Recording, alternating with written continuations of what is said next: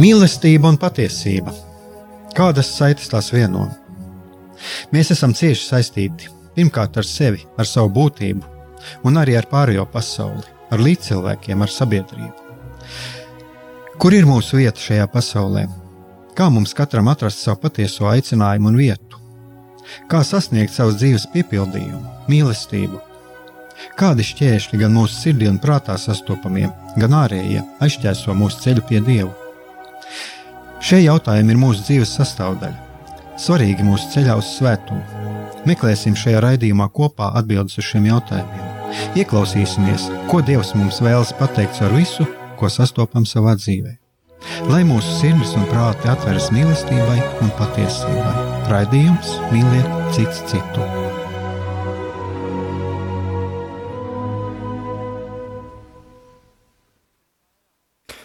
Lai top slavēts Jēzus Kristus, esiet sveicināti, darbie radio klausītāji. Šis ir rādījums Mīlēt cits citu, un studijā atkal esmu es, Aigars Brikmanis.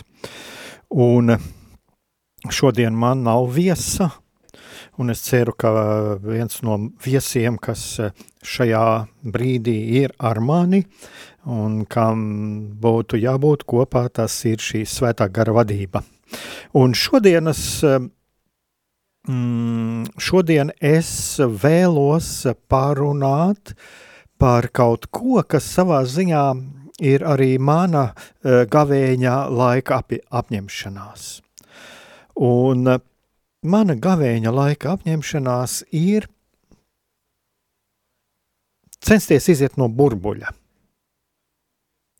Un uh, jūs, darbie radioklausītāji, kas var, arī sekojiet līdzi tām norisēm, kas, uh, kas notiek pasaulē, kas notiek arī Latvijā, kur šiek, tiek runāts par dažādiem fake news, par, par dzīvošanu informatīvā burbulī, uh, par Es to arī sauktu par ne tikai par burbuli, bet kādreiz arī šis burbulis pārvēršas par tādu kā cietoksni.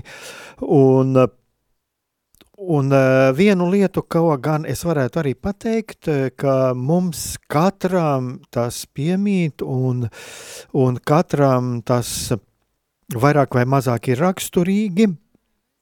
Un uh, es varētu pateikt tā, tas uh, dzīvošana kaut kādā šajā mm, informācijas laukā uh, Es pat teiktu tā, uz viņu ir vērts paskatīties arī uz kā tādu uh, morāli neitrālu lietu, uh, līdz tam brīdim, kamēr morāli neitrāla lieta, kamēr mēs apzināmies to, ka mums šī lieta ir raksturīgi un kamēr mēs arī apzināmies to, uh, kāpēc mēs to darām un esam godīgi pret sevi.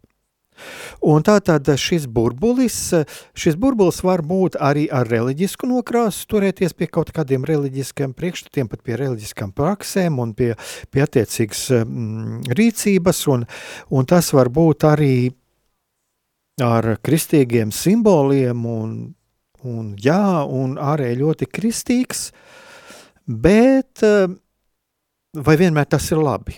Un kurā brīdī tas ir, eh, nav sevišķi labi. Ja? Un lūk, lūk, šo lietu arī, manuprāt, ir ļoti, ļoti svarīgi mums saprast, ka arī mūsu reliģiskajā dzīvē nevienmēr ir klātesošs Dievs, nevienmēr tā ir no Dieva iedvesmota. Un otrs puses ir arī jāsaprot to, ka šis burbulis tas ir ne tikai tāds kas saistīts ar tīri uh, reliģisko dzīvi, reliģiskajām praksēm, bet tam var būt arī tīri tāda laicīga nozīme, jo burbulis, uh, es domāju, kad jūs ziniet, kas jūs sekojat arī līdzi un esiet par to domājuši, ir ir ne tikai dzīvošana kaut kādos reliģiskos priekšstatos un praksēs, bet arī viņš var būt uh, tīri skatoties uz procesiem pasaulē, uz to, kas notiek pasaulē. Mēs varam dzīvot kaut kādā burbulī, un sevišķi svarīgi arī to apzināties, to, ka arī mūsu šie, šie mēdīji, šī interneta telpa, viņa nodrošina mums to, ka šeit darbojās šī algoritmi, kas arī piedāvā mums to, e, kas e, piedāvā mums to, kas mums ir interesants un kas mums interesē, kas mūs saista. Un tas nebūtu nav saistīts ar kaut kādu cilvēku, kas tur sēž un tagad skatās, eh, kas kuram interesē. Tas, tas arī nav iespējams, ja, bet tie ir tādi īpaši algoritmi, kas tā strādā. Un, lūk, un eh, kāpēc es arī izdomāju, es, eh, izdomāju sev tādu nosaukumu šim raidījumam. Jēzus, konservatīvs, liberāls vai ar tādu lielu, lielu jautājumu zīmi.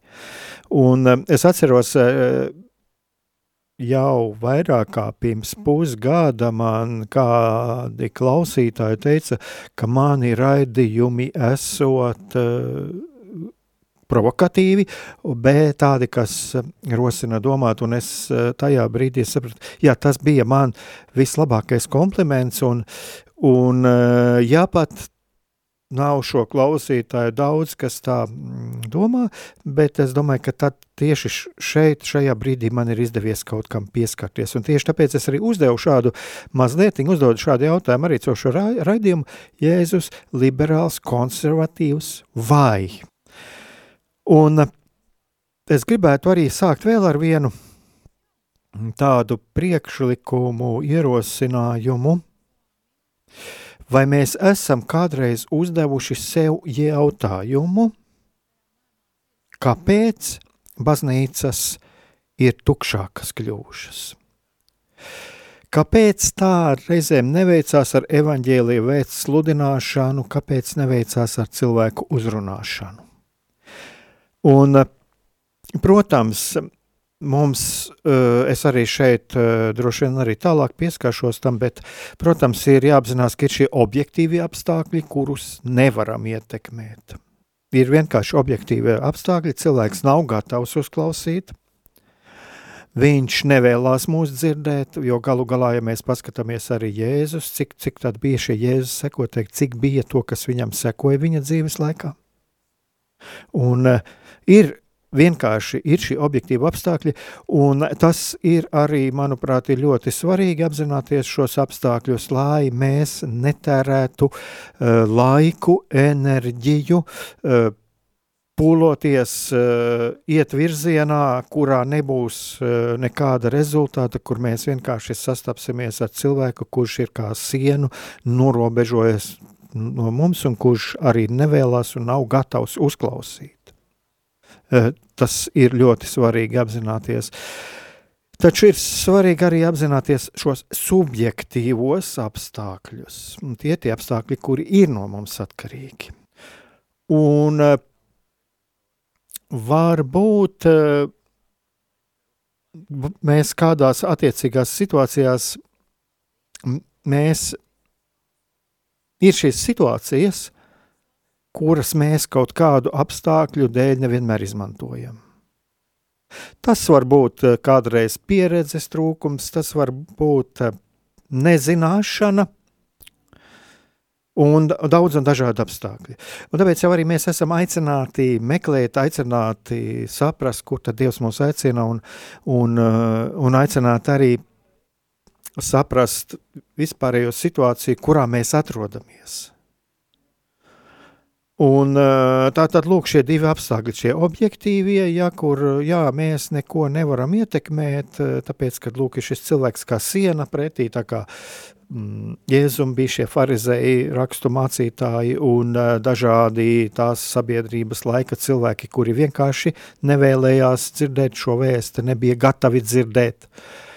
Bet ir arī šie subjektīvie. Kas ir kontaktā ar otru cilvēku, un es atkal gribu teikt, šis, šis ir ļoti nozīmīgi un ļoti, ļoti būtiski arī tas, kad mēs varam pieļaut arī šīs kļūdas, kad mēs ne tikai runājot par kādu evaņģēlija vēsti, bet, bet arī, arī mēģinot pārliecināt cilvēku, runāt ar cilvēku par kaut kādām citām lietām, mēs uh, ignorējām kaut kādas ļoti būtiskas lietas. Un, lūk, tas ir tas, kāpēc es arī, par ko es gribu runāt arī šajā redzījumā, un uh, atgriežoties arī pie šī nosaukuma, Jēzus liberāls, konservatīvs vai. Un tagad mazliet neliela muzikāla pauze. Kungs,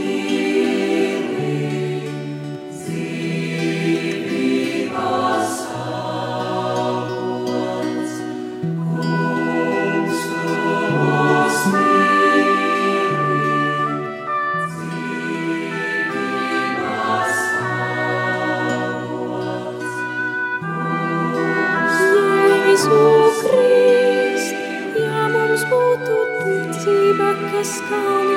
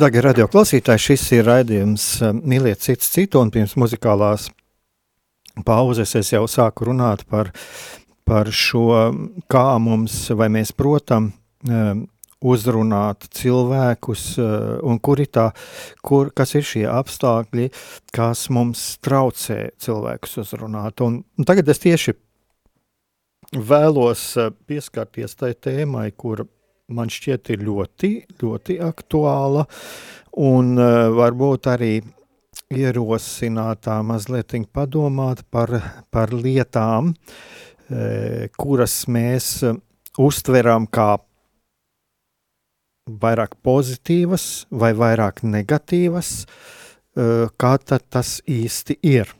Un jūs arī ceru, ka jūs arī sapratīsiet, ar ko, par ko es vēlos runāt. Un vispār šī ierosme man radās um, Francijā šovasar. Uh, Amienā bija Kristīgās dzīves kopienas pasaules asamblēja. Jūs varbūt uh, atcerieties, es uh, sezonas sākumā arī dažos raidījumos par to runāju. Un uh, Tur bija sarunas par dažādiem, dažādām tēmām, bet bieži vien e, bija tās interesantākās sarunas, un mēs nonācām arī pie kaut kādiem secinājumiem tādās neformālās sarunās. Un, un es atceros vienas, ja nemaldos, tas bija vakariņu laiks, mēs sēdējām no vairākām valstīm cilvēki kopā, un, un Amerikā, piemēram, ļoti arī uh, satraukums par to, uh, ka bieži vien uh, tiek manipulēts ar cilvēkiem, kā kristīgo vērtību vārdā, un, un, un, un poli, politi, politikā tas viss tiek iesaistīts, un, un, un liela agresija bieži vien, un cilvēkiem nav īsti skaidrības par šo. Un es, jāsaka, tāda bija man. Tā doma man radās, es saku, bet uzdodiet katrs sev jautājumu un, un arī uzdodiet tur šiem cilvēkiem jautājumu, um, Ierosiniet viņus, padomāt, kas tad īsti bija. Kas bija Jēzus pirms divi, 2000 gadiem? Vai viņš bija konservatīvs vai liberāls? Un, ziniet, jau tajā vakarā jau bija tāds, tās sarunas patiesībā tā šķiet ievirzījās tādās mazliet tādās mierīgās, mierīgākās notīs un, un jā, vai cilvēki ir uzdevuši šos jautājumus tad, kad viņi redz šo sadursmi šķietam it kā starp konservatīviem un liberāliem. Un kā tad ir īsti patiesībā? Jo ir, piemēram, dzirdēti apgalvojumi, es esmu tiešām tāds dzirdējis, nu, ja ir konservatīvs, tad, tad kristietis ir, kristietis tad ir konservatīvs. Bet patiesībā arī šādam apgalvojumam arī, arī nav īsti pamata. Jo es esmu mm, saticis baznīcā, gan šeit, Latvijā, gan citur, ārpus Latvijas, ir kristieši, kuri pieder gan vairāk pie vienas puses, pie tiem konservatīvajiem, gan arī pie tiem, kas tiek uzskatīti par liberāliem. Nu, ja mēs skatāmies, teiksim, salīdzinām ar šo Latvijas kontekstu. Un tāpat es esmu sastapis cilvēkus, kuri sevi uzskata par konservatīvi domājošiem, taču ir diezgan negatīvi noskaņoti pret kristietību. Es, piemēram, esmu tādus sastapis starp tiem, kuri sevi nu, sauc par dievturiem. Vai arī starp tādiem, kuri ir vismaz neitrāli noskaņoti pret kristietību. Līdz ar to nu, arī mēs nevaram ielikt iekšā tādā, un, un arī starp šiem kas ir ārpus kristietības, kuri sevi neuzskata par kristiešiem, un es domāju, arī starp tiem pašiem dievturiem un kādiem citiem arī varētu sastapt gan tādus, kas ir vairāk kā mūsu skatījumā konservatīvi, vairāk kā, kā liberāli. Un tad ir vēl viena tāda mm, lieta, ar ko es esmu pats arī saskāries, ka varbūt arī plūstoši, varbūt pārējais no vienas eh, sevis uztveres, pasaules uztveres uz otru cilvēks var būt šķietami ļoti konservatīvs, viņš var kļūt tā kā liberālāks un otrādi. Un, kas attiecās uz mani, eh, es esmu par to domājis, un, un es kaut kā jūtu, ka es nevēlos sev pieskaitīt ne pie kādas no šīm grupām, un varētu pat teikt, varbūt tas ir tāda liberāla nostāja. Es negribu ierobežot sevi kaut kādos rāmjos. Eh, no vienas puses varētu tā šķīst, bet tā nav. Jo mēs eh, nevaram, eh, mums ir tie normālie rāmji, kas mums ir vajadzīgi. Bet es nevaru sevi, nevēlos sevi pieskaitīt pie kaut kādām no konkrētām no grupām, jo kā noteikt, vai es esmu konservatīvs vai liberāls. Ja mēs eh, ieskatītos, piemēram, Katoļu baznīcas katehismā, un es pats esmu darbojies gan tāpat, gan cilvēkus gatavojot laulībām, gan, caur, gan arī caur garīgiem sarunām. Es e, parasti cilvēkiem arī saku un atsaucos uz to, ko māca e, katoļu baznīca. Uz to, ko māca katoļu baznīca par, e, par laulību, par, arī par pārējām attiecībām, arī par šo pašu dekalogu, ja, un kāds no malas teikt skatītos, skatītos, viņš teiktu, nu jā, nu, ļoti konservatīvs cilvēks.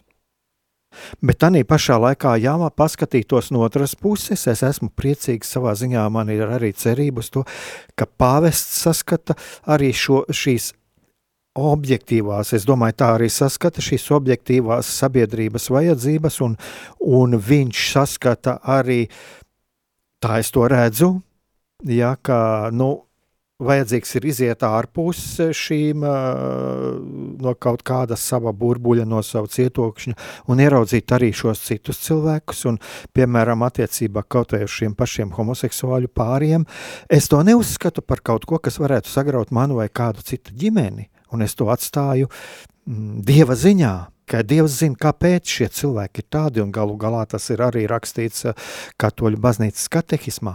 Eh, homoseksuāla, eh, homoseksuālismā psiholoģiskā izcelsme nav zināma. Tas ir rakstīts katoļu baznīcas katehismā. Un līdz ar to es arī saku to pašu, ko pāvests, kas es esmu, lai es tiesātu. Un arī es pazīstu uh, cilvēkus, kuri ir šie homoseksuāļi, ja, un viņi ir brīnišķīgi, labi cilvēki, un viņi man netraucē. Tāpat kā es nevēlos traucēt viņiem.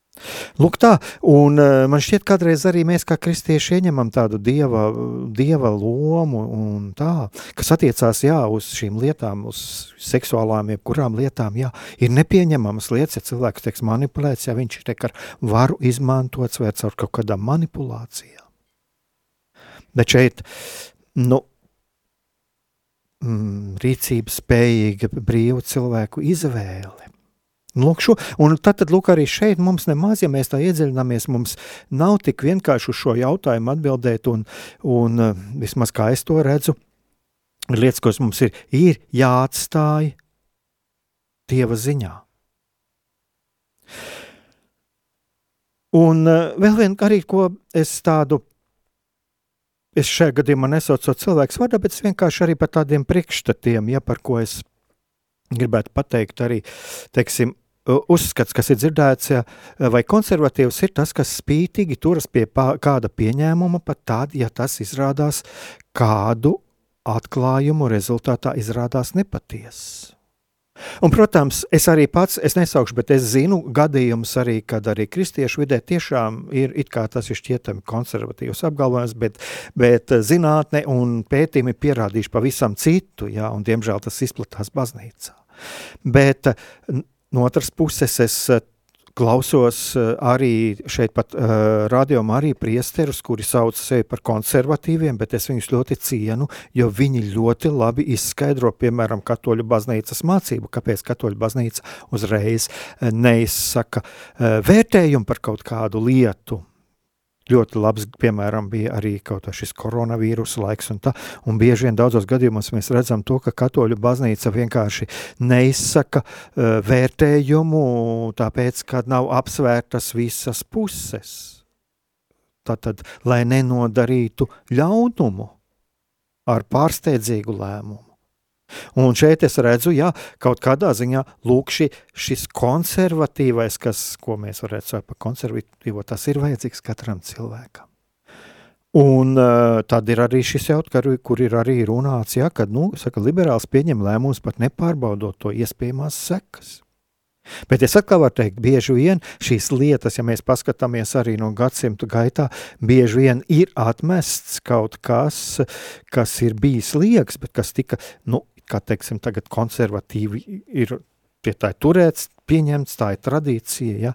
bet varbūt mums ir kādreiz jāmēģina saprast, vai tas, ko mūsu sabiedrībā reizēm dēvē par konservatīvu vai liberālu, tiešām ir tāds, vai šie jēdzieni tiek lietoti varbūt kādiem, kādiem politiskiem mēķiem, piemēram, biedēšana, šķelšana, kas ir sava veida e, politiska rakstura manipulācija. Un ir tāda, piemēram, ļoti interesanta lieta par šo konservatīvo un liberālo, kur mēs varam atrast kopīgo ceļu. Ja mēs, piemēram, mūsu laikā īpaši varam sastapt arī kādu parādību, kas uh, raksturo mūsu sabiedrību un mūsu sabiedrības uh, labākās īpašības. Piemēram, Ukrainu atbalsta gan tie, kuri sev pieskaita pie konservatīvi domājošiem, gan arī tie, kas ir tā sauktie liberāļi. Un tā arī ir ļoti laba zīme, kas rāda, ka ir jautājumi mūsu sabiedrībā, kuros, kuros mēs varam vienoties, un mēs neesam cits citam ienaidnieki. Jo atbalsts Ukrainai tas nozīmē, ka ir tas labais, kurā mēs esam uzrunāti gan viena puse, gan otra puse. Mūs, mēs vēlamies, mēs vēlamies eh, šo labā uzvaru.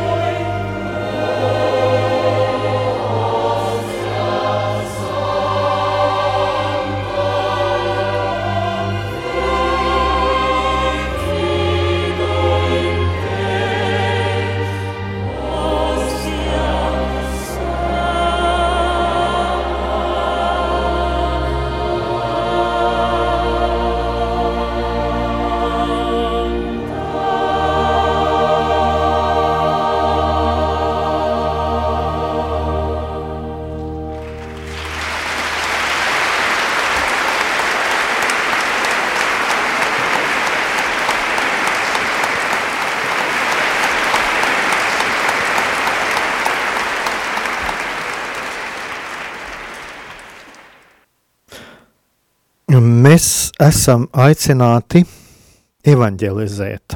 Un kā jau es arī raidījuma sākumā teicu, mm, ir jāuzdod arī šos, sev šis jautājums, kas ir tas, kas man traucē šai evanģelizācijai. Un, lai evanģelizētu, manuprāt, ir vajadzīgs saprast, ko tas nozīmē. Ir jāvēlas zināt patiesību, ir jāvēlas saprast otru cilvēku, viņa viedokli un to, kā šis viņa viedoklis balstās. Uz kādiem argumentiem šis otra cilvēka viedoklis pamatots. Un bieži vien arī saskaroties ar otru cilvēku un jautājot pēc viņa argumentiem, mēs varam atklāt to, ko es uh, raidījuma sākumā nosaucu arī par šiem objektīvajiem apstākļiem. Kad cilvēks pasaka, tas ir tā, tāpēc, ka tas ir tā, bet viņam nav argumentu. Un tad pēc kāda laika mēs varam saprast, ka lūk, šeit mums jādara tā, ka Jēzum mums ir jāpagriežās un jāiet citā virzienā, jo šis cilvēks nav gatavs uzklausīt. Viņš nav, uzklau, viņš nav gatavs uzklausīt arī manus argumentus, un viņš nav gatavs ieklausīties sevī. Varbūt viņš baidās vai kāda iemesla dēļ. Viņš eh, nevar mm, saprast arī, uz ko balstās, un viņš nevēlas saprast, uh, uz ko balstās viņa argumenti. Vai viņš vienkārši kaut kāda iemesla dēļ mums arī nevēlas to atklāt, bet viņš turās pie kaut kā.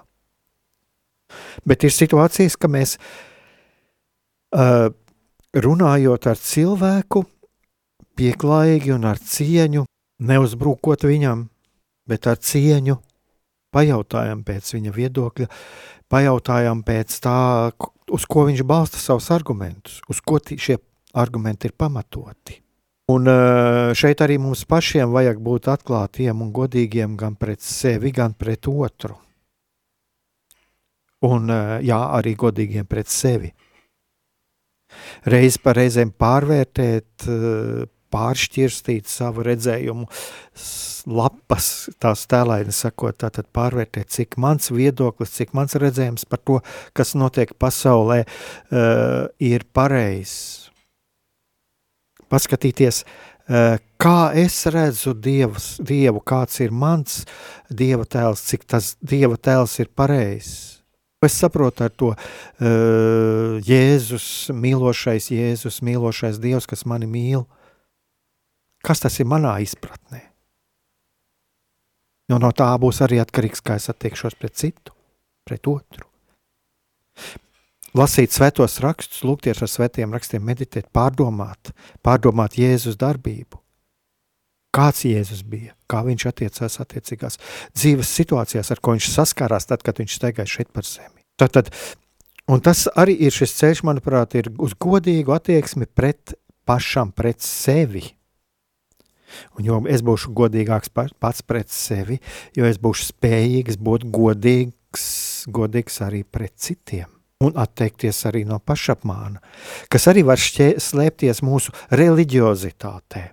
Es eh, kādā eh, baznīcas, vairs neatceros, kurā man Facebookā nāk dažādi, ja, bet kā katoļu baznīcas šķiet no kristīgās dzīves kopienas kādas, uh, kādas no pasaules grupām bija tāds arī teksts, viņš bija angļu valodā, bet tur bija tā doma tāda, ka visvieglāk ir paslēpties no dieva reliģiozitātē.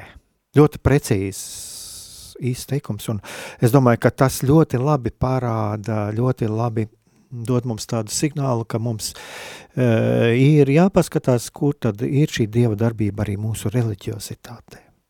Tātad godīgs, atklāts, pret, būsim godīgi un atklāti gan pret sevi, gan pret citiem. Un, protams, es jau minēju, lai varētu arī produktīvi otru cilvēku uzrunāt, ir vajadzīga šī savstarpējā cīņa, tātad arī šī vēlēšanās uzklausīt šo otru cilvēku ar cieņu, ar cieņu pret viņa viedokli un, un eh, vēlēšanās saprast, kāpēc viņš domā tā un nesavādāk. Un te ir vajadzīga arī kādreiz mums šī mūsu pašu drosme Tātad, vai mūsu starpā valda savstarpējā cieņa, un vai mēs esam drosmīgi saskaroties ar viedokli, kurš atšķiras no mūsu viedokļa? Un vai man pietiek drosmes saskaroties ar situāciju, ka mans viedoklis nav patiess, arī to atzīt? Un tas ir tieši tas, ka, ka šo jautājumu es varu uzdot arī sev, tāpēc es arī saku, ka savā ziņā, jā, mana šī mm, gavēņa laika atņemšanās arī ir iziet ārpus no tā burbuļa, atrast kādu burbuli, kurā es turos un, un iziet ārpus viņa. Tātad šie pamata kritēriji. Vai es esmu godīgs? Godīgi pret sevi un pret citiem, kritiska pieeja saņemtajai informācijai un arī kritiski pret saviem uzskatiem un redzējumu. Tātad reiz reizi pārvērtēt, pārbaudīt to atbilstību patiesībai, vai tas atbilst patiesībai. Reiz reizē cenšoties pārbaudīt savu redzējumu un tā atbilstību realitātei. Un tieši tas, es domāju, kad ir svarīgākais, kad jā, ir tiešām labi, ja sabiedrībā valda šī uzce, uzticēšanās starp cilvēkiem, arī apzinoties, ka dažos jautājumos mūsu viedokļi var atšķirties, bet ja mēs būsim godīgi, uh, tad mēs veicināsim šo uzticēšanos. Protams, mums ir jābūt ļoti uzmanīgiem, ļoti uzmanīgiem sevišķi tad, ja mūs sāk ar kaut ko biedēt un, un uh, ir kāda agresija pret kādu sabiedrības grupu no kāda, un kad mums sāk spēlēt uz mūsu jūtām, un tad, ja kāda cilvēka teksts vai teiktais raisa mani iz emocijas, tās ir pirmā zīme sevišķi, ja tas man kaut ko sadusmo. Tā ir pirmā zīme, ieklausīties, kāpēc man tas ir, vai ar gadījumā šis cilvēks ar mani nemēģina manipulēt. Arī slēpjoties aiz reliģiskiem saukļiem. Un, kā jau es teicu, reizēm vērojot šo, šīs norises sabiedrībā, man rodas šī sajūta, ka daži aktīvi kristieši vēlas ieņemt dieva vietu. Viņi neusticās dievam, jo viņi, viņi būs tie, kas tagad pamācīs, kā pārējai sabiedrības daļai pareizi dzīvot. Bet kur ir vieta dievam? Kur ir vieta dievam, tur, kur mēs visu nezinām līdz galam, un kur mūsu robežas beidzas. Vai mēs apzināmies, kur beidzas mūsu pašu robežas? Vai mēs apzināmies to, ko es kādreiz saku, ka mēs apzināmies to, ka lielāko noslēpumu atslēgas, un patiesībā daudzu noslēpumu atslēgas pieder dievam, un tas tiek atklāts mums tikai tad, kad mēs esam gatavi to pieņemt. Jo vairāk mēs arī zināsim šo pa patiesību par cilvēkiem, par līdzcilvēkiem, jo vairāk mēs mēlēsimies, mēs pilnībā šo patiesību zināt nevaram. Kā jau kā es teicu, šīs noslēpuma atslēgas, kas ir Dieva rokās, bet jo vairāk mēs vēlēsimies zināt šo patiesību par pasauli, kur atrodamies un pazemīgi pieņemsim, ka mēs daudz, daudz nezinām, jo labāk arī mēs spēsim uzrunāt cilvēkus Vai mēs tiešām zinām cilvēkus un pasauli, vai nav tā, ka mēs runājām, pat nepārliecinājušies, vai veids, kā mēs uzrunājam, uzrunājam cilvēkiem, ir saprotams. Un tas, es domāju, ka ir, tas ir tas, par ko es arī vēlējos šodien parunāt. Bet es vēlos arī rēdījuma noslēgumā, to, nu, tomēr arī mazliet cenāt ieskatīties Jēzus darbībā. Un Ko Jēzus saka Mateja evaņģēlijā?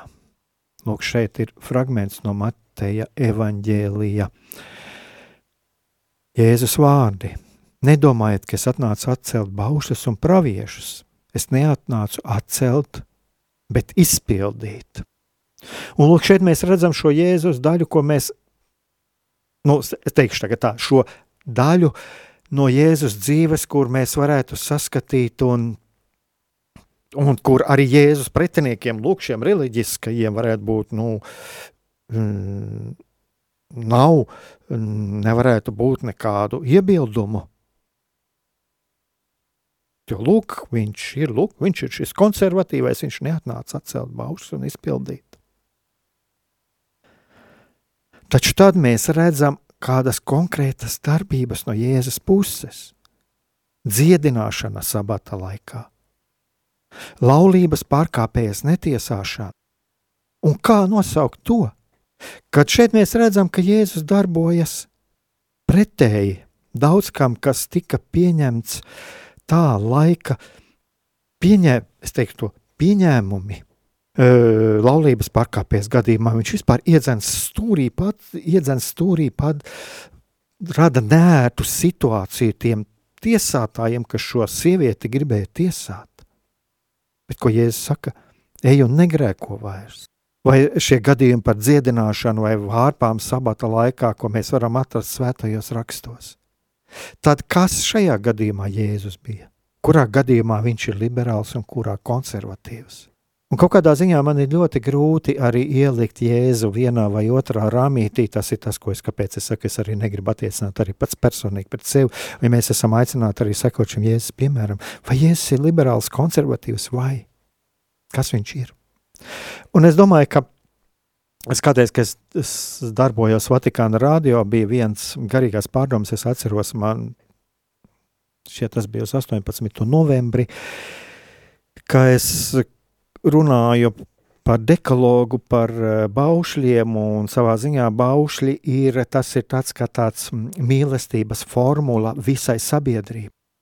Bet, ja jūs, eh, darbie klaus, radioklausītāji, paskatī, paskatīsieties baušļus, tad jūs ieredzē, arī ieraudzīsiet, ka patiesībā šie baušļi, kas tur ir, viņi ir, jā, viņi ir kā mīlestības formula. Un savā ziņā Jēzus, ja mēs paskatāmies, viņš uh, dažās situācijās pārkāpdams tos pieņemtās uh, normas, kas sabiedrībā bija, viņš pildīja mīlestības bausli. Iesāšanu viņš atstāja savam uh, debesu tēvam, bet viņš mēģināja saprast otru cilvēku. Viņš palīdzēja šim cilvēkam piecelties, kļūt brīvam un sajust pieņemšanu, uzklausīšanu un mīlestību. Un šajā gadījumā vai mēs baušļus un šos mīlestības darbu, darbus varam iekļaut eh, tādos iedzienos kā konservatīvs vai liberāls, es domāju, ka tas ir kaut kas daudz vairāk. Kaut kas daudz vairāk, kas eh, stāv pāri mūsu izpratnei.